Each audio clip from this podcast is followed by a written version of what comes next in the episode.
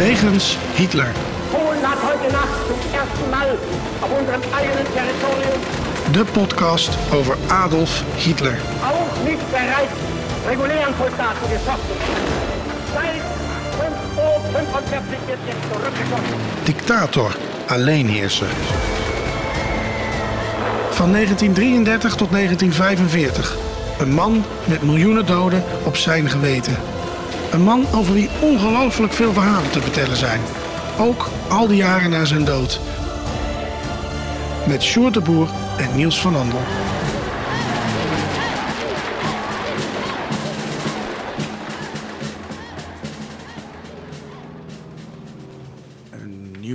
Week, een nieuwe wegens Hitler. Ja, en na een weekje afwezigheid zijn wij er weer. We starten 2024 niet helemaal geweldig, hè, Sjoerd? Dat is de tweede Nou, al. ik vond het wel meevallen, want ik heb gezien hoeveel mensen hebben gekeken naar WO2 TV, naar de, de tweede aflevering van het kunstverhaal, waarin jij de voice-over bent. Ja, zeker. En eh, nou, toch wel best wel veel mensen die hebben even gekeken. En dat kon alleen maar komen via de website, want daar heb ik een beetje reclame lopen maken. Ja, precies. Dus, dat, Eh, eh, via de Facebook inderdaad. Eh, dus dan hebben ze toch nog iets eh, gehad. Zeker. En, en nou mocht je denken nu van, waar heeft die man het over? Dan ga even naar het YouTube documentaire kanaal WO2 TV. Daar heeft eh Sjoerd samen met een collega, vriend moet ik eigenlijk zeggen. Ja. ik, ik moet ook altijd wennen nog. Ik, als het over podcast heb op mijn werk, zeg ik altijd met een collega en denk, oh nee, nee, nee, geen Gewoon een- collega meer, gewoon een vriend moet ik dan altijd zeggen. Ehm, maar goed, dat, dat doen jullie wat documentaires. En eh, ja, blijkbaar is mijn stem bevallen. Dus eh, ik, ik mag als een soort stem, eh, voice-over, ben ik altijd bij jullie. Je bent echt zo jarenlang worden, gaan we je achtervolgen. Ja, nou ja, helemaal prima. Maar dat was een alternatiefje. Wij waren er vorige week in ieder geval niet. Voor de luisteraars die niet op Facebook meekijken. Eh Sjoerd, die had corona. Nou, dat is gewoon een veredelde eh, griep. Maar eh, nu, Klopt. hè. Maar ja. Maar ja, je kunt er gewoon Variant ziek van 1 zijn. was, was, was heftiger, kan ik je verklaren. Maar de- deze viel wel mee. Maar Ja. Ja, het Ja. was niks. En ik wilde je ook niet aansteken. Nee, nou goed, dat. dat. En, en ja, ziek is ziek, zo simpel is het ook. We wilden ons nog in allerlei bochten wringen, maar toen heb ik ook gewoon gezegd... eh Sjoerd, als je ziek bent, dan kun je daar niks aan doen. En eh, dan, dan maar een weekje niet. Ehm, nou, we gaan gewoon ons best doen nu de draad in ieder geval wekelijks weer op te pakken. Ehm, niet de droomstart waarvan we hopen altijd. Maar goed, ehm, laten we eerlijk zijn. eh, luisteraars snappen dat denk ik ook wel. Het is ook gewoon een hobby. Eh, we vinden het hartstikke leuk om te doen. Eh, we doen het ook graag elke week. Maar ja, soms eh, lukt het gewoon even niet. En, Het is ook wel tof om te zien dat luisteraars reageren. hè. Ik krijg heel veel berichtjes. Luisteraar Jan bijvoorbeeld, die vertelde over een Pools dorpje. Borne Su Sukinovo. Nou ja, goed, ik, ik weet niet. eh, in Polen. Eh, daar is hij geweest. En daar, daar was een geheim trainingscentrum, zei hij. Met barakken en huizen. Een huis voor Guderian ook. En hij, Jan die kreeg daar, en de luisteraar, die kreeg daar een rondleiding van een Po- Poolse vriend daar. Nou, hij heeft Poolse connecties. En eh, het huis van, van, van Guderian was inmiddels gesloopt, zei hij. Toen hij, hij was daar jaren geleden, vertelde hij. Een hele interessante plek. Dus ja, wat zou er nog meer staan, dacht ik af. Dat is dus dat dorpje Borne Sukinovo. Ik spreek het een beetje, weet ik veel wat, vast niet op zijn Pools uit. Maar daar ben ik, ga ik me nog eens even in verdiepen. Wat, wat staat daar nog eigenlijk? Misschien weet een luisteraar het. En dan hadden we Wilfred. Die, eh, die wees erop dat wij in, een, in de Speer Special de bijeenkomst in Poznan met Himmler niet hebben besproken. Dat vond ik wel een sterke opmerking. Want dat hebben we inderdaad niet gedaan. Dat is nogal belangrijk. Ehm nou ja, dat moeten we dan maar eens een keer eh, eh, goed maken. Ja, precies. Moeten we ook zeker doen. Eh, misschien ook leuk om te vermelden is dat wij langzaam, maar zeker richting de 100 vrienden van de show kruipen. En hoe mooi zou het zijn als wij in februari, als wij een jaar vriend van de show hebben. eh, ik geloof dat we eh, begin februari dat zijn begonnen. dat we dan de honderdste bereiken. Wat is vriend van de show? Je ondersteunt deze podcast met een kleine bijdrage van 15 euro per jaar of 1,50 per maand. als je liever in delen betaalt. En daarmee kunnen wij eh, nou, bijvoorbeeld nieuwe microfoons kopen. ehm, en, en materiaal om deze podcast gewoon de lucht te houden. Want de podcast is niet gratis natuurlijk, dat snapt iedereen. Ehm, nou, we doen er ook eh, leuke dingen van. Of bijvoorbeeld een boek kopen, zodat uh, Stuart weer een nieuw onderwerp eh, kan bespreken. Met, mij natuurlijk in deze podcast. Heb jij al je ogen laten vallen op een buitenmicrofoon, zeg maar? Ja, Een- ja zeker. Ja, dat er- hebben we ook vermeld de vorige keer. Die hebben we binnen, die spullen. Want Eh, ik heb mogelijk, maar dat bespreek ik straks met jou na de aflevering, een Ja. hele mooie. Kijk, En nou, daar kunnen we me- meteen gaan gebruiken. Zeker. Een we interessante plek. We laten dat een beetje in het midden zo. we laten een beetje in het midden, maar We superleuk. gaan op pad. Maar je kunt dus helpen op die manier om de podcast te ondersteunen. Eh, ga naar Vriend van de Show. En eh, mocht je zeggen, ja, ik wil niet een jaarlijkse bijdrage toezeggen. Overigens, je kunt dat gewoon weer uitzetten. Ik weet niet hoe, want ik betaal het niet zelf. Ehm, maar eh, je kunt dat, neem ik aan, gewoon afmelden. Dat is ook gewoon zo. Dat is makkelijk. Gewoon even inloggen, afmelden. Maar je kunt ook een eenmalige bijdrage doen. En die zijn natuurlijk ook meer dan welkom. Dan word je bijdrager. Ehm, nou, hartstikke leuk. Genoeg eh, reclame, genoeg eh, geneuzel. We gaan gewoon naar waar deze podcast over gaat. De keiharde inhoud. En we beginnen zoals altijd met Hitlers dagboek.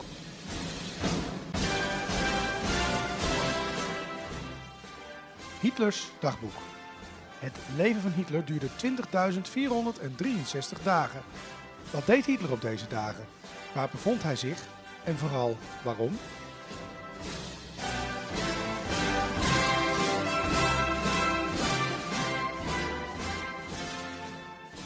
Ja, deze aflevering komt online op 22 januari 1933. Ja, en nee, dat- nee, nee, nee. Sorry, dat kun je niet menen. Ik doe dit wel vaker. Ehm, Ik dus zit er wel eens op te hopen. Ja, dat, dat, Ik heb het er niet bij gezet, hè? Nee, nou nee, de, de, de aflevering komt natuurlijk online, sorry, op 22 januari 2024.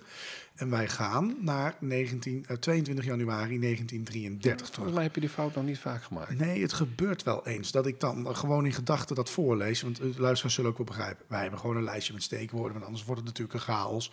Ehm, ehm, maar goed, dat, dat, dat is een speciale dag, want dat is eh, vlak voor de machtsovername, hè, Sjoerd? Ja, ja, ja, ja, ja. Hitler die vertrekt dan 's morgens. Dat is eigenlijk nog niet, helemaal niet zo interessant. Alhoewel, ik vind dat een, eh, een leuke plaats om zelf een keer te gaan bezoeken. Aan, naar Frankfurt am Oder. Dat is niet het Frankfurt wat wat meer zuidelijker ligt. Maar eh, nou ja, dat is de stad die ten oosten van Berlijn ligt. En dan komt hij aan om een uur of tien. Daar is een manifestatie van de SA. Onthoud de SA even, want dat speelt de hele dag eigenlijk een rol.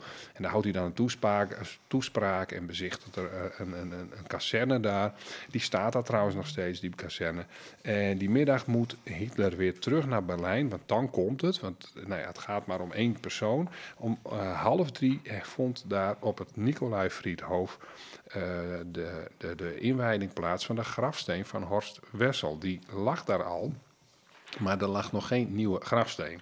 Eh, dat is die jongen die vermoord is, SA-jongen, die een lied had geschreven voor de SA. In ieder geval zijn woorden zijn daarbij gebruikt, een beetje aangepast en zo. Vermoord om een dubieuze kwestie, maar dat, ehm, eh, ja, hij werd een soort martelaar voor de SA en geëerd en weet ik veel wat. Nou, dat vond daar plaats op 22 januari. Het is nog, nou, weet ik, een paar dagen voordat, voordat Hitler aan de macht komt. Ehm, eh, nou, de- dat wordt dus ook enorm uitgebuit. En dat gaat eigenlijk door tot in de avond, want dan houdt Hitler een reden in het Sportpalast. Er komen 20.000 mannen en vrouwen op af ter ere van Horst Wessel, dezezelfde jongen, dezezelfde SA-jongen. Nou, eh, voordat Hitler begon te spreken, klinkt dan het dramatische Götterdämmerung van Wagner. Ja. Dat was zijn dag. Nou, precies. Ehm, misschien wel leuk. eh, ja, ik ben, dit is een beetje een redactievergadering nu in de podcast, maar dat kunnen we wel even doen, denk ik. Ehm, de volgende aflevering is op 29 januari, om die, die 31 januari dan eens te bespreken. Een soort uitgebreide Hitlers dagboek, ehm, maar dan als de plek. Dat, dat, dat Berlijn waar die machtsovername dan speelt. Ja, Eh, vind ik een leuk idee. eh, Ja. Leuk om eh, te doen. Ik eh, was trouwens niet ongeïnteresseerd, maar ik zat even een vraag van een luisteraar op te zoeken die we zo nog even moeten Oh, bespreken. kijk. Ehm, we gaan eh, eh, in ieder geval naar eh, ja, waar deze podcast eigenlijk ooit om is begonnen. En dat is zoals altijd de plek.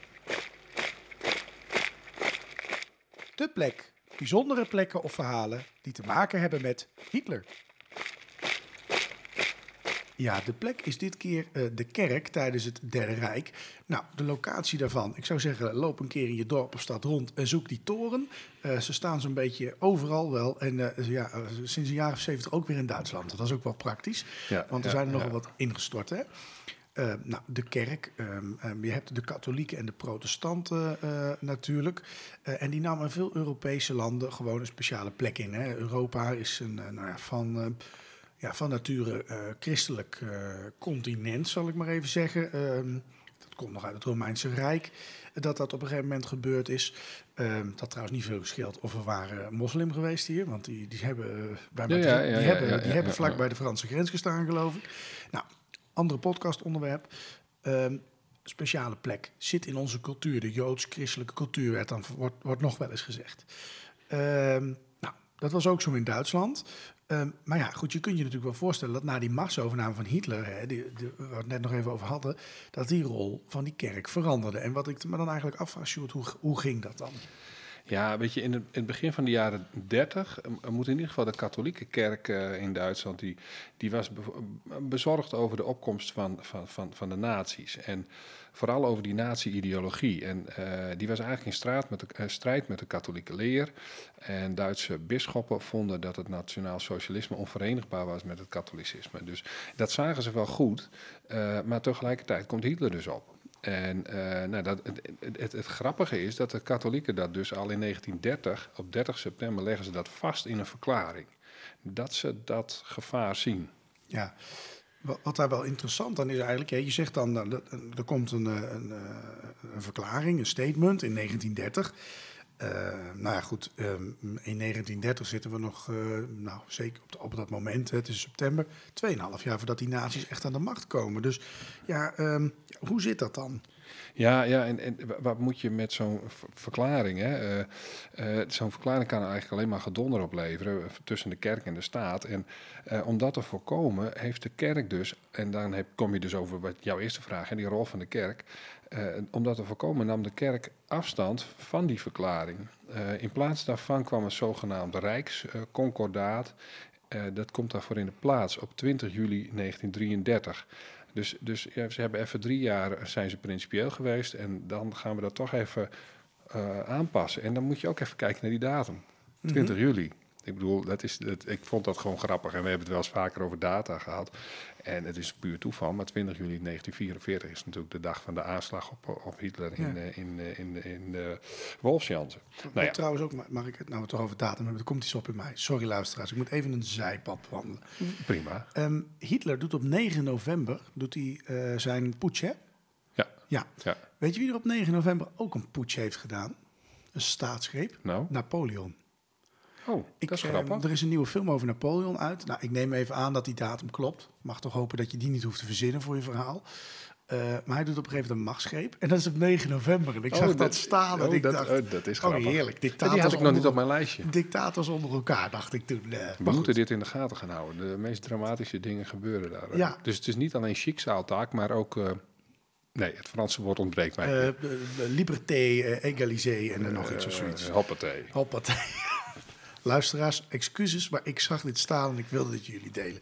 We ja, gaan terug. Ja, we gaan naar 20 juli. Dat is dus ook een, een, een dubbele betekenis heeft hij. Mm -hmm. uh, in 33, dat concordaat wordt, van Rome wordt getekend door een kardinaal namens Paus Pius de, de XI en door Frans van Papen namens de Duitse staat en namens Hitler dus. Dus daar komt een soort nou ja, samenwerkingsverband. Ja, nou kan ik me voorstellen hè, dat uh, ja, als jij die bisschop was die uh, een paar jaar daarvoor nog uh, niet zo'n fan was, zal ik maar even zeggen, van de nazi's. Ja, dat die dat niet zo leuk gevonden moeten hebben. Nee, dat zal ongetwijfeld. En er zullen vast wel bisschoppen verontrust zijn geweest. Maar het had ook een voordeel, want volgens sommigen uh, was de kerk uh, wilde gewoon een deel van haar autonomie, autonomie houden. En uh, de nazi-regering beloofde namelijk dat die katholieke kerk met rust gelaten zou worden. Dus nou zouden ze dat voor elkaar kunnen krijgen. Uh, ja goed, in artikel 14 van dat, van dat verhaal staat dat de benoemingen van aartsbisschoppen, bisschoppen enzovoort pas worden bekendgemaakt nadat blijkt dat er geen bezwaren van politieke aard tegen de gegadigden bestaan. Dus hoezo autonomie? Ze konden niet eens zelf bepalen wie ze daar neerzetten. Ja. Als de staat het er niet mee eens was. Nou, en men dacht natuurlijk bij de kerk dat de rechten van de katholieke kerk dan ook beschermd zouden zijn. als je dan een overeenkomst maakt. Maar ja. Ja. Nou ja, goed. Uh, de naties staan natuurlijk bekend om een enorme betrouwbaarheid als het gaat om uh, overeenkomsten. Hè. Vraag dat maar aan Stalin. Ja. Um, ik mag dus wel zeggen, die rechten die zijn niet zo beschermd. Nee joh, weet je, als er dingen gebeurden die de naties niet, uh, niet leuk vonden, dan grepen ze natuurlijk in. En dat zullen ze vast wel met enige terughoudendheid gedaan hebben. Uh, maar weet je, in 37 komt er dan een, encycliek van Paus uh, Pius. die met brennender zorgen heet, zorgen heet. En uh, ja, hij veroordeelt daar wel de nazi-ideologie in. En, um, en, en, dan heb je ook de katholieke kerk dus probeert dus wel sommige dingen te doen. Je moet misschien niet praten van de kerk, maar het zullen wel individuele kwesties zijn geweest. Maar die, die, ze speelden ook wel een rol bij, bij, het, bij het verbergen van Joden. Um, sommige werden dus ook uh, vervolgd door nazi's, sommige katholieke priesters. Bijvoorbeeld Bernard Lichtenberg, die had zich duidelijk uitgesproken tegen de vervolging van Joden en werd daarom in 1943 gearresteerd. Nou, hij nam een, uh, die kwam dan in Dachau terecht en die sterft daar ook in 1943. Ja. Dus er waren nou ja, echt wel katholieken die het probeerden goed te doen. Ja, nou zeg jij uh, katholieken die het goed proberen te doen. Dan, dan komt toch de vraag op, waren er ook uh, ja, zogenoemde foute katholieken in nou de nazi-tijd? Nou, in het algemeen, hè, de, de kerk heeft natuurlijk die nazi-ideologie dus niet keihard afgewezen. Dat zouden ze van tevoren, hebben ze wel een hint gegeven die kant op. Uh, en eigenlijk, wat je, ja, dat zou je wel verwachten misschien.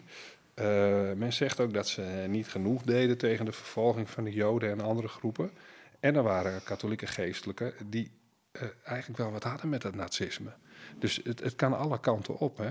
Er waren zelfs gasten die deelnamen aan de vervolging van onder andere Joden. Dus uh, ja.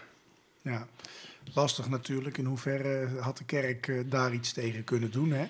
Uh, het is niet dat ze een leger hebben dat ze even. Ja, hij heeft wel een paar Zweedse bewakers, die paus. Maar ik denk niet dat hij veel had aangebracht tegen de panzers van uh, de Führer.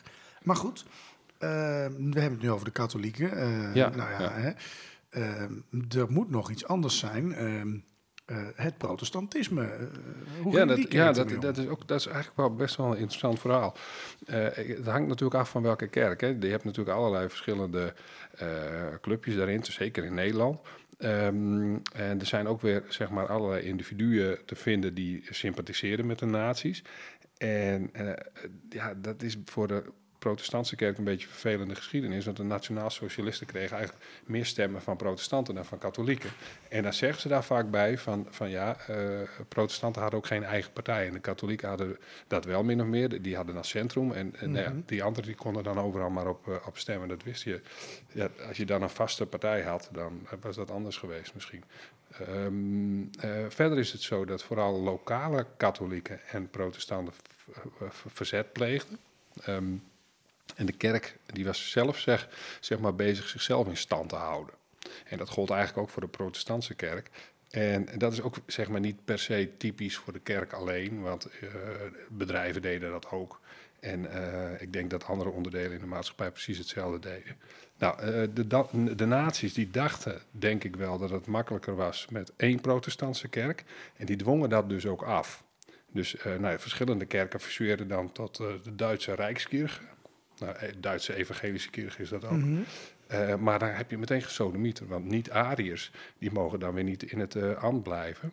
En uh, nou ja, goed, Hitler was bijvoorbeeld wel katholiek opgevoed. die had ook meer met protestanten, zei hij dan, dan met katholieken. Maar ja, dit soort dingen liet hij dus wel gewoon gebeuren, want het ging hem om zijn eigen macht en niet die van de kerk. Um, hij probeerde er een pro nationaal-socialistische nationale kerk van te maken. En uh, al dat gedoe tussen die, die staat, zeg maar, tussen die katholieken en die protestanten, dat noem je dan eigenlijk een soort van kerkstrijd. Mm -hmm. dus, dus de partij tegen die twee kerken en hoe Hitler daaraan over dacht. Ja, um, nou zeg je net, ja, uh, er even een kerk van probeerde te maken. Hè? Nou ja, uh, samen met de Rooms-Katholieken en de protestanten één kerk maken, dat gaat natuurlijk niet. Um, um, um, want die, die, katholieken die hadden natuurlijk ook te maken met Rome. Uh, en dat zal Hitler, moet, uh, moet ik zo denken, toch wel jammer hebben gevonden, want dat was immers zijn doel. die protestanten lijken daarentegen dan dus wel wat meer meegaand. Maar ja, daar moet, net als bij de katholieken, natuurlijk ook mensen bij hebben gezeten die niet uh, wapperend met de vlag stonden te zwaaien als Hitler voorbij kwam. Ja, nee, dat is natuurlijk zo. Ja. De, de, de veel Lutherse christenen, die worden tenminste vaak genoemd, die, die hebben zich openlijk tegen Hitler uitgesproken. Die zijn ook, veel daarvan zijn omgekomen in, in concentratiekampen. Dietrich Bonhoeffer was er een van bekende naam. Die is geëxecuteerd wegens zijn betrokkenheid bij een aanslag op Hitler in 1944, met die datum dus. Uh, de bekende Kirche die stelde in uh, 1934 uh, eh, nou ja, de- of die, die stelde op een gegeven moment ook in die periode een eh geloofsbeleidenis op, waarin tegen inmenging van de staat werd stelling genomen, de theologische verklaring van Barman.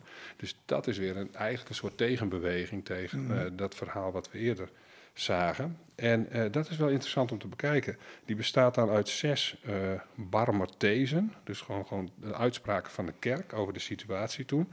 En die, die, die zijn wel wat vaag, maar je kunt er wel van alles in lezen. Eh, men verzette zich bijvoorbeeld tegen elke theologie die andere openbaringen erkent naast Jezus Christus. Nou, dat mag een kerk best doen.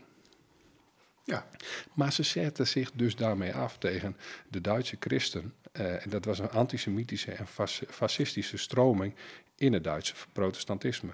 Dus eh, nee, er is maar één persoon die je moet navolgen en niet nou ja, de Führer. Oh. Eh, ja maar daar dacht Hitler anders over, kan ik me zo voorstellen. natuurlijk, maar en het stond er ook niet letterlijk.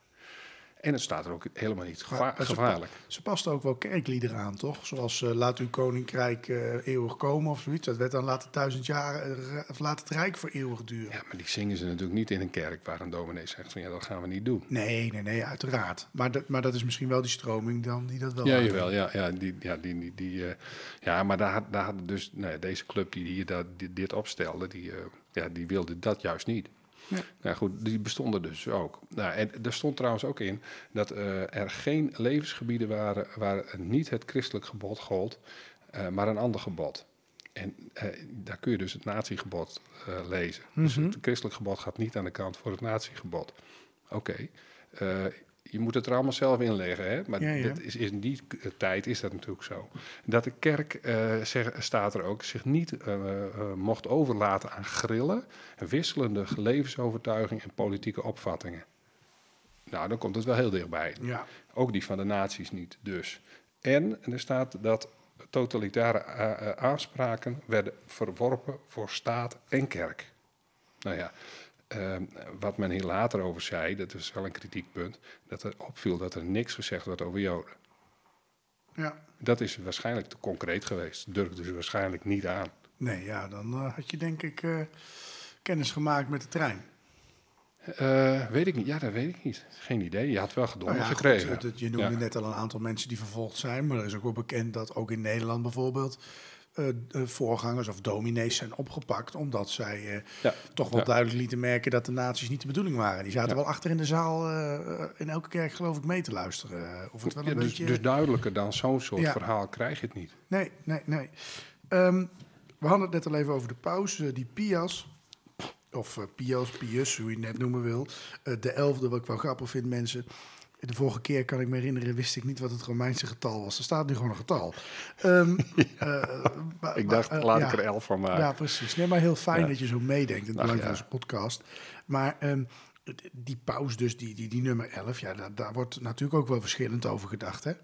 Ja, weet je, sommigen beweren dat hij niet genoeg eh, heeft gedaan om de Joden te helpen. En anderen zeggen van ja, in, in het geheim heeft hij dat wel gedaan. Dat is natuurlijk altijd lastig als het in het geheim is. Eh, eh, ja, ik, ben, ik, ik weet daar ook te weinig van, joh, van, van, pauze. En ik, ik hoor ook die verhalen. Dus eh, ik zou echt onderzoek moeten doen om daar echt iets zinnigs over te zeggen. En Ja. dat, dat is natuurlijk ook lastig. De- wat we natuurlijk weten is dat hij in 1942 een- zo'n brief kreeg van een, van een Duitse jezuïet. Die in het verzet zat in Nazi-Duitsland. En die ging, nou ja, die, die, ging over de, die brief die ging over de ernst van de holocaust. En nou, die brief is dan teruggevonden in de archieven van het Vaticaan en openbaar gemaakt al in 2021. Ehm, zou hij hem hebben gelezen, is dan de discussie. En Nou, dat weten we niet. Ehm, en, en dan blijft de vraag dus, heeft Pius XI wel, wel genoeg gedaan? Ehm, eh, er zijn zelfs mensen die, die noemen hem een antisemiet. Dat doet het Vaticaan natuurlijk niet. Hè. Die, die, die verkondigen eerder het idee dat hij niet voldoende geïnformeerd was. En, en dat laatste lijkt me ook vreemd. Ja. Ik bedoel, dat, dat, Ja, ik weet het dus niet, maar wel dat er iets niet klopte natuurlijk. nee, ja, je wil het ook weten, toch?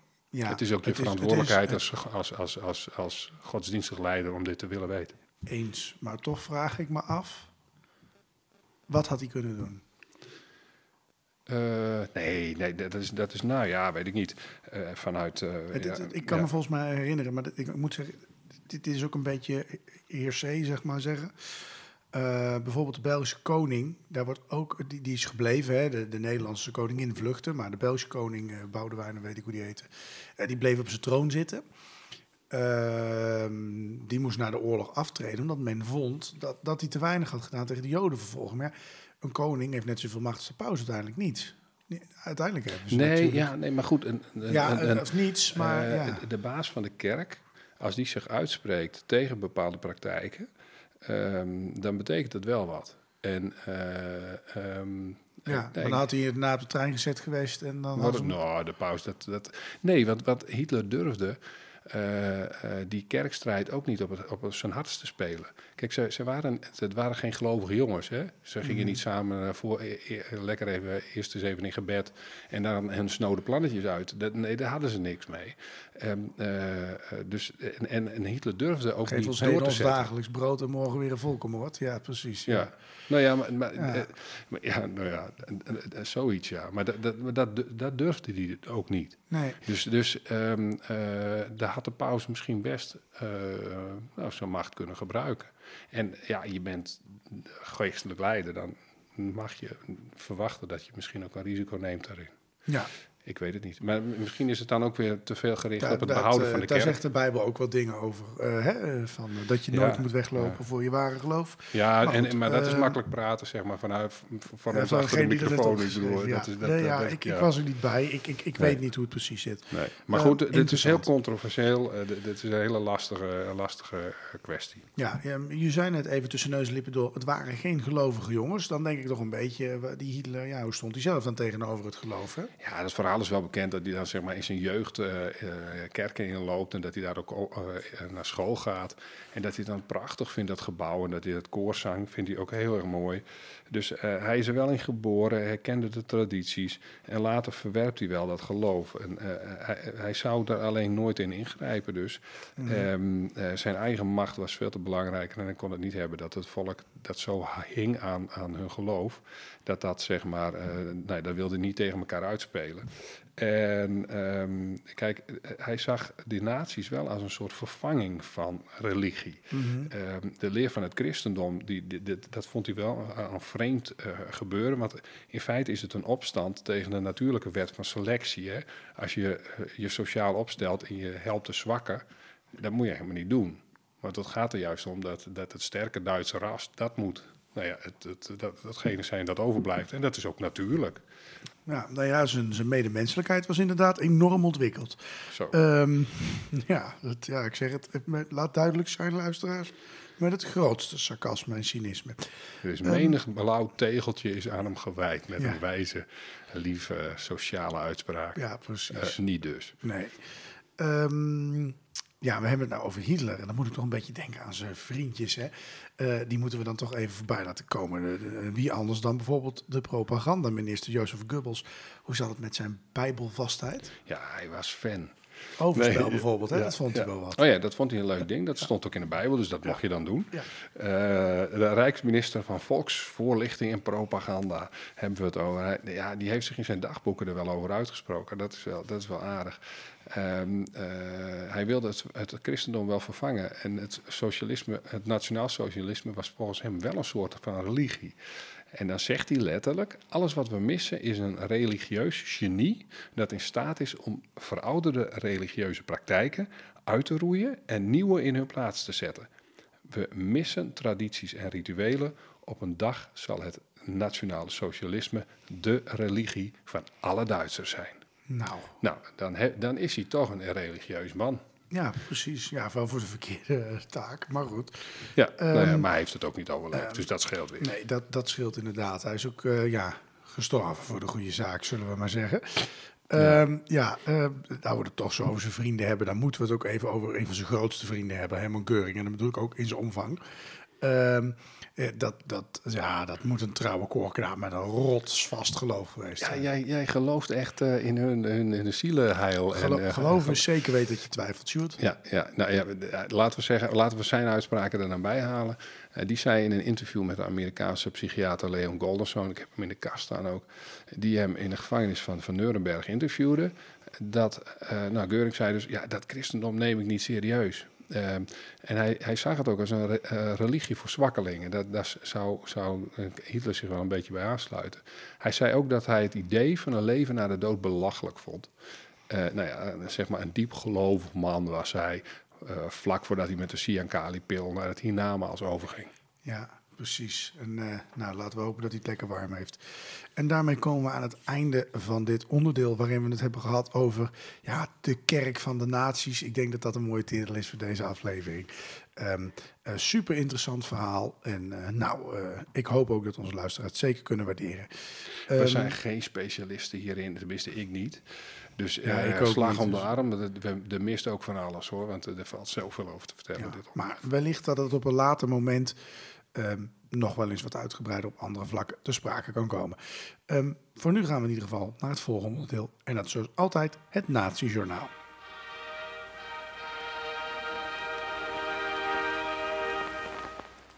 Het Nazi-journaal.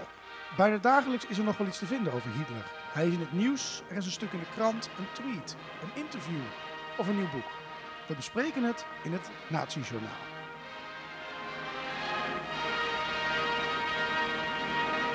Ehm, het. Er waren weer wat nieuwtjes. Om te beginnen is er een tentoonstelling geopend, gedwongen. En dat gaat over de arbeidseinsatz. En die is geopend in het Nationaal Monumentkamp Amersfoort. Ja, die tentoonstelling gaat over de periode 1942 tot 1945. Toen ruim een half miljoen Nederlandse mannen en vrouwen gedwongen moesten gaan werken in Duitsland in de oorlogsindustrie. Eh, voor onze Albert Speer bijvoorbeeld. Hè. Ehm, gemeld wordt ook dat de vaste tentoonstelling is veranderd. En die schenkt vanaf nu ook aandacht aan tien verschillende groepen gevangenen. Nou, super eh, interessant en goed om te bezoeken.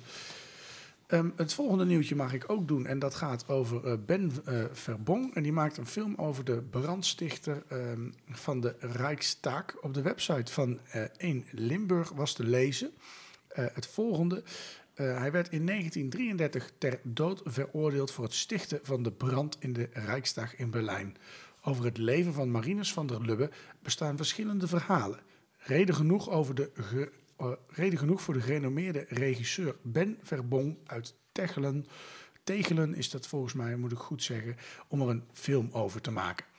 Eh, de in Leiden geboren Marinus van der Lubbe werd in 1933 wereldberoemd nadat hij werd opgepakt. Hij staat nog in de geschiedenisboeken voor het stichten van die eh, Ra- Rijksdagbrand.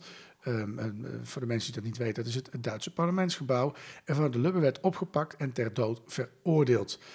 Ehm, de eh, Tegelse regisseur, ehm, ehm, ehm, die zegt daarover het volgende. Over het leven van de Lubbe bestaan verschillende verhalen. Die het bijvoorbeeld een, dat het bijvoorbeeld een ontwetende jongeman was. Maar niets is minder waar. Nou, op de website van Historiek staat trouwens ook een interessant artikel over die van der Lubbe. Met de naam een eh, fascistenleider herdacht Marinus van der Lubbe. Nou, ehm, Ik ben wel benieuwd eigenlijk naar die film. ja, ik ook. Ik, staat niet bij wanneer die uitkomt. Ehm, Nee, ja, als hij nog gemaakt moet worden, dan zal dat nog wel even duren. Ja. ja, ik hoop dat hij er komt. Want eh, ik kan me ook herinneren dat al tien jaar geleden een film over de Grebbeberg zou komen. Maar ja. Ja, hebben we, dat, hebben we dat ook gedaan? Tien jaar geleden waren we nog niet bezig. Hè? Nee, nee, Nee, maar goed. nee. eh, ehm, dat gezegd hebbende, Sjoerd, eh, jij hebt al zeker weer twee minuten niet mogen praten, dus ga je gang. Ja, je mag het ook. eh, je- ik, ik- Nee, nee, hulp, je hulp- gang. je mag dit best even doen hoor. hij heeft hulp gevraagd. Nee, hulp ja, ik, ik heb hulp nodig. Eh, ik, de- ik vond een historische quote op sociale media.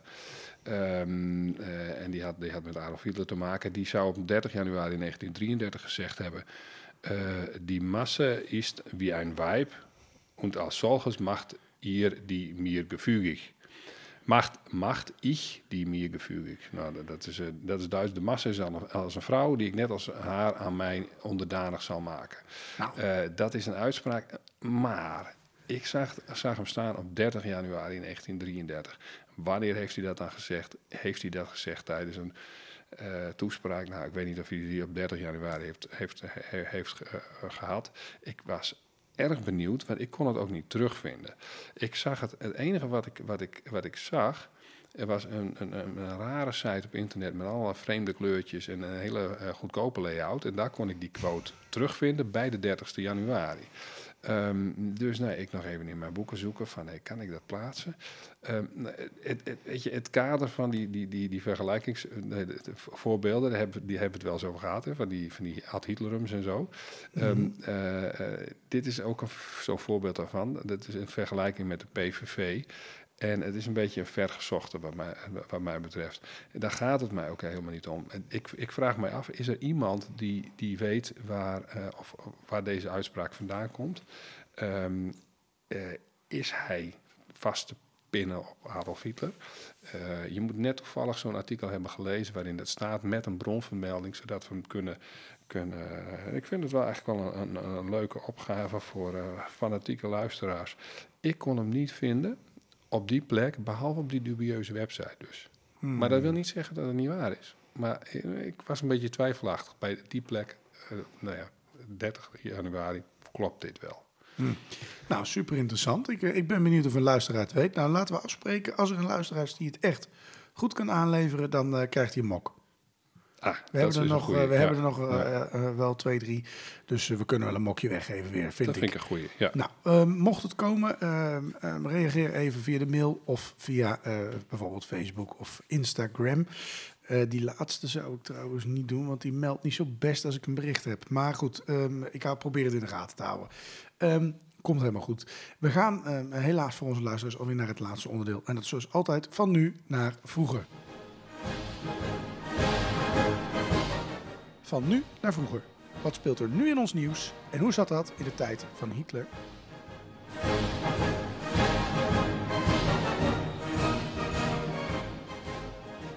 Ja, ehm, een aantal zaken hebben we. Ehm, het eerste is eh, Italië, eh, waar een fascistengroet. ehm eh, nou goed, er is er nou een partij in de macht en er wordt ook al geleerd aan het eh, fascisme. Eh, Mussolini natuurlijk, fascisme. Ehm, Ja, ze stonden op een plein allemaal met de arm eh, gestrekt, hè? ja, dat, dat was weer een of ander plein waar ze weer gestrekt stonden met de armen. Ik geloof bij de herdenking van een, ja, een neonatie of zo, die, die, die, waar iets mee was gebeurd. Die is, oh ja, vermoord denk ik dan. Ehm, nou, waar herkennen we dat van, hè? In al die Mm, verhalen die mhm, ene. Sjoerd de Boer wel eens houdt hier. Ehm, maar goed, nou ja, ze- die, die, die premier daar neemt ook weer geen afstand van. Nou, allemaal, nou, ik vind het, echt- ja, ik word er zo moe van. Dan denk ik, waarom 70 jaar later eh, beginnen er mensen te denken... eh, weet je wat, dat hebben we een keer geprobeerd, dat doen we gewoon nog een keer. Dat, dat werkt vast Ja, er zijn wel mensen die maken zich er nu druk om. Hè? Eh, Dat, dat, dat het op heel veel plekken weer... Dat de, de, de, Ook in Duitsland de- zelf, hè? Duitsland. eh, maar ook dat de democratie op heel veel plekken onder druk staat. Dat er eigenlijk geen sprake is meer wat, van, een- van een groei van democratische staten... maar eigenlijk een, een, een afname van, daarvan. En eh, nou, we moeten er zelf ook voor uitkijken. Ja, zeker. Maar goed, in Nederland is altijd 125% van de stemmen is op een eh, nou, bijzondere club. Nee, nee daarom. Nee, de- nou goed, nee, maar... de- eh, eh, En, dan- maar ik zeg geen ik- partij, hè, ik- dat ik- is we hebben het nu ook. over mensen die de arm strekken voor het Nou, maar fascisme. dat, hè. dan Dat ben is- je is- gekke flappie. Kijk, als je dat een keer voor de grap... Nou ja, eh, goed. Ja, en die, en die groep la- las ik dat ook, dat die, die zou helemaal niet van de oude Romeinen afstammen. Maar die hadden ze, want de oude Romeinen zouden die groet eigenlijk helemaal niet op die manier gebruikt hebben. Dat vond ik ook weer een interessante. Ik denk, dat is een, nou is dat niet helemaal mijn, eh, mijn eh, periode.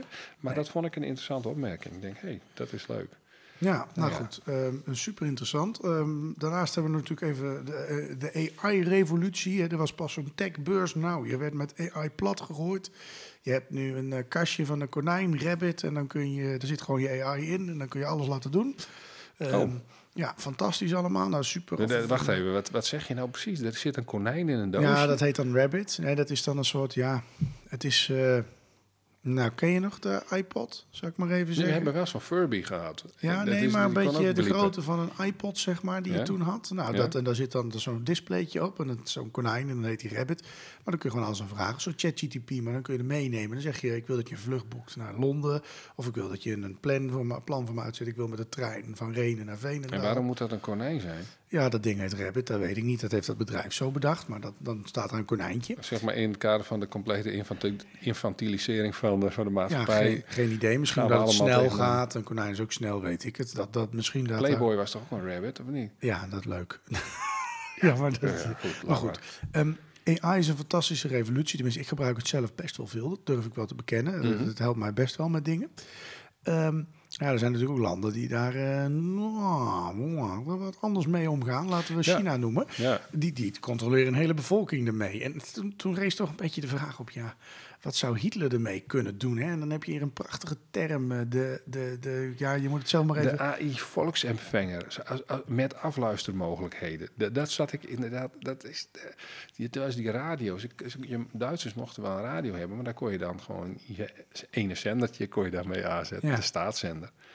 En eh, ja, als je daar nou ook gewoon eh, wat, wat aflu- afluistermogelijkheden in hebt, dan zit je helemaal goed. Ja, Zouden ze misschien ook kunnen gebruiken om hem ergens anders af te stellen? Nou ja, dan, dan kun je dat. Ja, dat was ideaal geweest, hè? Zo'n AI. Dat je de hele, de hele bevolking in de gaten kan houden.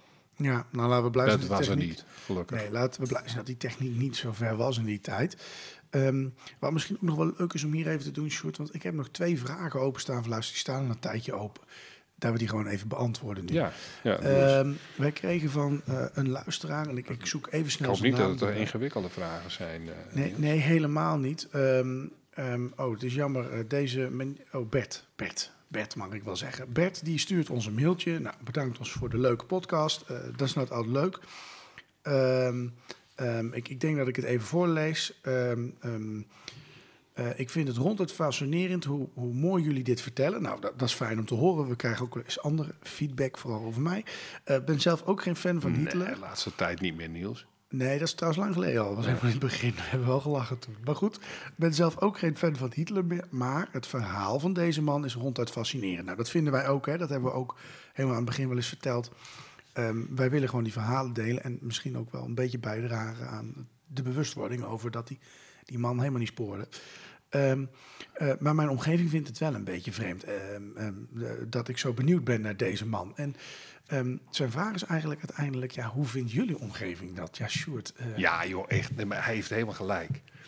Hij heeft helemaal gelijk. Als, je, als ik een keer, af en toe mag ik met een boek, mag ik dan op, de, op Radio 1 heb ik wel eens wat zitten praten en op tv. En ze stellen bijna allemaal de vraag van, van, van eh, ik heb hem echt al vier, vijf keer gehoord of zo, in, in zo'n soort situatie. En dan ook nog alle mensen die dat vragen.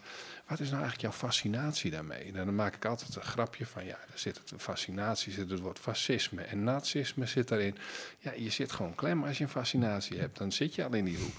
Dus ja, ik, ik- ik- iedereen wil het weten. Waarom ben je geïnteresseerd in zo iemand? Ik heb ook een tegenvraag. Waarom ben je er niet in geïnteresseerd? Je bent, dat is, eh, we kunnen het ook hebben over eh, een, eh, een leuke volkszanger of zo. We kunnen ook hebben over... Het, kun je ook nog gefascineerd zijn. Ik ben niet gefascineerd door Hitler trouwens. Ik ben heel erg benieuwd in wat... wat, wat nou, goed en kwaad. En hoe, hoe, hoe manifesteert zich dat kwaad dan? Hoe, hoe werkt dat dan? En waarom of, of volgen mensen dat? Dat, dat, vind, dat zijn interessante vragen. En ik wil, weten hoe, ik wil ook gewoon weten hoe specifiek dat, dat Hitler en het Derde Rijk in elkaar zit. Eh, zat. En, en, en, en als iemand anders dat ook heeft, het lijkt me vrij normaal. Het, het lijkt me een hele gezonde eh, eh, nieuwsgierigheid. ja. En als je, als je, je kunt het ook Maar wordt er ook raar op gereageerd in jouw omgeving? Nou, ik heb, in het begin heb ik een, pra- praat ik er nooit zoveel over, omdat ik dat, dat, dat soort gezeur wilde ik helemaal niet hebben. Eh, ik, had, ik ben ooit begonnen met zo'n met zo'n website, met locaties, Hitler-locaties. En ik verrekte het principieel om daarop te zetten van... deze site is politiek correct. Ehm, en ik heb het uiteindelijk toch wel gedaan. En, eh, want, nou ja, de- ik, ik zag op een gegeven moment in fora van... ja, is, is dit wel een leuke site? Toen kun je, kun je eh, locaties vinden waar Hitler geweest is. Ik weet niet helemaal zeker of die site wel helemaal deugt... maar er staat wel heel veel op. En toen dacht ik van ja, maar ik wil ook niet bekend staan... als de site van een of andere onbekende natie. Dus eh, toen heb ik daar wel een, een, een, een, een onderaan Disclaimer, een disclaimer ja. op gezet. En de, dat werkt ook wel. Er staat op een gegeven moment een quote nu ergens in een boek... Eh, dat gaat over eh, na- nazisme en, en moderne verschijningsvormen. En daar wordt mijn site ook genoemd. En, nou ja, dat, dat, eh, maar dat ik daar ook daadwerkelijk dat op heb gezet. En dat doet me dan wel weer goed. Ja. Maar de, ja, die vraag is ook, ook, mensen snappen dat niet. Maar ik snap niet dat ze zelf niet geïnteresseerd zijn. Ja, maar goed, dat, dat kun je natuurlijk met alle onderwerpen hebben. Maar de- als ze de vraag stellen, waarom ben je daar door gefascineerd? Dat zegt ook wel weer wat. Ja. Ja, het is natuurlijk... Maar het is ook lastig natuurlijk om voor anderen te bepalen. Het, het, het is, het is- ik denk dat het ook een soort kronkel is bijna. Dit, dit, wat ik zelf had, toen ik, toen ik al heel jong was, vond ik die Tweede Wereldoorlog... Denk, ja, hoe kan dat nou eigenlijk? Ik vond dat super interessant. En eh, ik heb op een gegeven moment het boek gelezen Tot de Laatste Man van Ian Kershaw. En Dat is nou denk ik Ja, al twaalf ja. jaar geleden dat ik dat gelezen heb. Ik zat in de vierde klas, denk ik, of in de derde klas. Ik, ik weet het niet eens meer. Eh, ik wil het weer eens gaan lezen nu, nu ik wat ouder ben en Ja, wat ja. wijzer en meer weet. Ehm, het fascineert mij gewoon echt. dat- hoe kan iemand tot het bittere eind een heel land in, in, in, in zijn Ja, macht hebben? ja, ik, ik, ja. ik kan daar gewoon met mijn hoofd. Een, een, een dictator, kijk. ehm, ja, dit is een beetje fout te vergelijken, maar ik vroeg me altijd ook al in de klas af... hoe kan het nou toch eigenlijk dat er 30 man als een soort slaafse honden... luistert naar wat die leraar staat te vertellen? Want als die zegt, jij gaat dat doen, oh wee, dat je het niet doet. En, en het, het- kijk, in een klas van 30, nou ja, 30 tegen 1, dat is... mooi. Maar dit was gewoon een heel land, zou tegen 1 kunnen zijn. En toch lukte het hem, Ja, om dat- alles dat- zo ja. te, te het iets, manipuleren. ja. En, en, en zo, en, en eigenlijk gewoon tot, totdat hij die kogel door zijn kop heen eh, jaagde, zal ik maar even zeggen. Dat land in zijn greep had. Vind dat, ja, ik vind dat nog steeds enorm. Ja, en dat zie je bij andere Ja, dictators ik, ik, natuurlijk ook. ik, ik, ik bedoel dit woord niet verkeerd, maar ik vind dat bijna bewonderenswaardig. Dat je dat tot het bittere eind vol kan houden. En, en gewoon zo'n plaat van je haarsjes hebt dat je gewoon doorgaat. ja, ja. Ehm, Ja. Maar wat zegt jou, jouw omgeving daar dan? Want je zit nu ook een tijdje in, in, in, in, met, met die podcast, ben je bezig? Eh, ehm, ja, dat mijn- vraagt hij, hè? Bij, ja, bij mij thuis, eh, ja prima. Niels vindt dat leuk of interessant. Of eh, ja, Ja. leuk. Ja, ik zeg al vaak leuk. Hè. Dan moet je mee uitkijken natuurlijk in dit soort eh, context. Ehm, waar je wel meer verbazing ziet, is ik ben ook wel politiek actief. eh, en als je daar dan wat vertelt, ja, moet je dat wel doen. Want je politieke carrière, en dan denk ik, ik zeg, nou ja, weet je, we maken wel een grapje dolletje, maar volgens mij eh, doe ik gewoon, eh, doen wij best wel Ja, mooi werk door ja, een verhaal ja. te vertellen over iets verschrikkelijks. En eh, ik zeg, ja goed, eh, ehm, we moeten af en toe ook wel eens uit, ik zeg ook steeds, je moet ook uitkijken niet politiek correct wordt. Ik zeg, want ehm, mm, nou, ik denk dat iedereen wel eens een natiegrapje heeft gemaakt in zijn leven. Dat gebeurt. Harde humor, ja, ik kan er eigenlijk wel om lachen. Ehm, ehm, maar daar hoort ook bij dat je bewust bent van wat daar echt is gebeurd. En eh, dat, je, Ja, dat, dat- je dat ja. verhaal verder vertelt. Ehm, dus, ehm, nou ja, goed. op zich wordt er redelijk normaal op gereageerd. Maar in die politieke context is er altijd, ja, moet je daar niet meer uitkijken. Want als, ja, nou dan maar niet, denk ik dan altijd maar. Ja, nee, dat ben ik Ja. met je eens. Ja. Ja. Eh, eh, En, was er eh, nog een tweede vraag? Ja, er was nog een tweede vraag. En die tweede vraag die betreft... ehm, ja, zo'n tijdje geleden had iemand ingesproken. En dat had ik helemaal niet door dat dat via dat vriend van de show kon. Ehm, inmiddels heb ik het dus wel door. Want ik zeg, hé, hey, wat is dat dan? En, oh, oh, dat is een spraakberichtje. Hartstikke leuk. En dat ging over... ehm, moet even goed denken. Oh ja, wij hebben het altijd over Hitler. Maar je had natuurlijk aan de andere kant die Stalin. Ehm, en de vraag was eh, volgens mij, wie vinden wij eigenlijk de bedkop? En ehm, van die twee, want wie was dan eigenlijk erger? Ja, dat is een rotvraag, zeg. Ja. Ja, ja, ja, Dan moet je dat ook vinden trouwens. Ik, ik vind, eh, ik, ik heb sowieso niet zo eh, van lijstjes. Ik vind een top 2000 een leuk ritueel aan het einde van het jaar. Maar dat er een, op, een muziekstuk op één komt, daar heb ik eigenlijk een ongelofelijke hekel aan. En dat het ook elk jaar hetzelfde is, dat is ook een beetje jammer. Ehm, maar, Zo'n rotnummer. Nou, nou, nee, helemaal, nee, nee, helemaal niet. Nee, dus ik vind het gewoon heel leuk dat er, dat er op de radio ook nummers van acht minuten eh, worden afgespeeld. In plaats van altijd de, de doorsnee drie minuten. Dus het dat heeft allemaal leuke voordelen. Ik heb daar niks op tegen. Alleen, eh, het is niet zo dat je overal een lijstje van moet maken van, van ellende. De- Je hebt gewoon een ellendeling. En dan zetten we gewoon een andere ellendeling naast. En je, ja, je kunt wel lijstjes maken, maar dan moet je objectieve scorelijsten maken. Nou, hoeveel dooien heeft die? Hoeveel dooien heeft die eh, veroorzaakt? Eh, en, en dan kun je een leuke scorelijst maken. Maar wie van binnen het diepst verrot was, ja, gut. ik vind Stalin ook een, een, een sodemieter, zeg. Wat een, wat een, wat een, wat een eh, vreselijke Ja, dingen de- heeft hij uitgevreden. Die, die, die was niks beter natuurlijk. Die heeft Oekraïners uitgemoord en Polen. En dat was ook het één grote... Als het er maar Ja. uitkwam. Ik, ik, ik dacht, maar dat zeg ik uit mijn hoofd, dat hij uit, dat, qua getallen dat hij, eh, dat hij hoger zit. Ja, qua getallen wel. En nou ja, hoe die zijn leger heeft ingezet was natuurlijk ook niet helemaal met behoud van levens. Maar goed, dat, dat hebben ze allebei natuurlijk op de naam staan. Ehm, Ja, nee, ik, vind, ik vind dat niet te beantwoorden. Nee, ja, het is, nee, ja, goed. Nee, het zijn en dat hoeft ook niet. Het, het- de enige reden dat Stalin bij ons denk ik wat beter erop staat... is omdat hij de nazi's voor ons heeft verdreven. Want laten we eerlijk zijn, de Russen hebben uiteindelijk eh, de nazi's verslagen... en niet de Engelsen of de Amerikanen. Dat heeft wel meegeholpen. Maar de zwaarste slag is geleverd op het Oostfront. Ja, nou, dat laatste in ieder geval. Ik bedoel, ik denk de Amerikanen kwamen vanaf de andere kant en eh, zonder Normandië. eh, Wel, maar toen was de rug van het... maar, eh, nou, toen was de Russen, het Russische leger al... had eigenlijk al wel de Duitse weermacht gebroken. Jawel, jawel. In, in jawel, 44 ja. was Ja, al duidelijk dat, er- dat, Nee. dat, dat ze steeds verder zouden ook richting... eh, Ja, en Kershaw zegt van nou, we 41 al eigenlijk. Ja, ja, dat, Daar moeten trouwens hele een, discussie. heleboel jaren moeten er nog heel veel mensen sterven en er moet er nog van alles gebeuren. Maar eh, ja, ja, ja. Nee, lastig. dit- nee, ik, ik, vind ook geen wedstrijd. Het enige wat ik kan zeggen is, ja, Stalin staat er iets beter op. Eh, en dat is de enige reden omdat hij ons eh, bevrijd heeft. Mede. Ja, maar dat is ook wel, wel, wel, wel, wel idioot.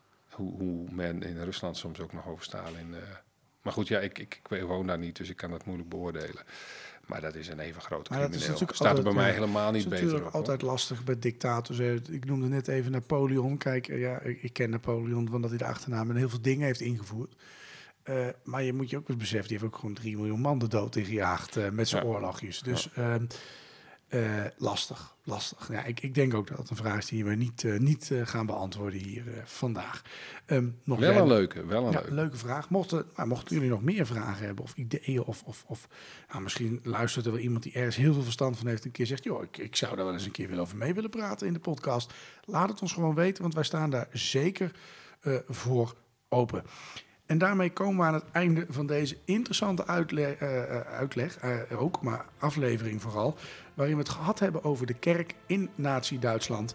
Ehm, de rol daarvan en richting de nazi-ideologie en ook hoe Hitler daar tegenover stond. Ja, en ik denk dat we zoals altijd wel weer kunnen concluderen. Adolf Hitler die geloofde in heel veel, maar bovenal in zichzelf.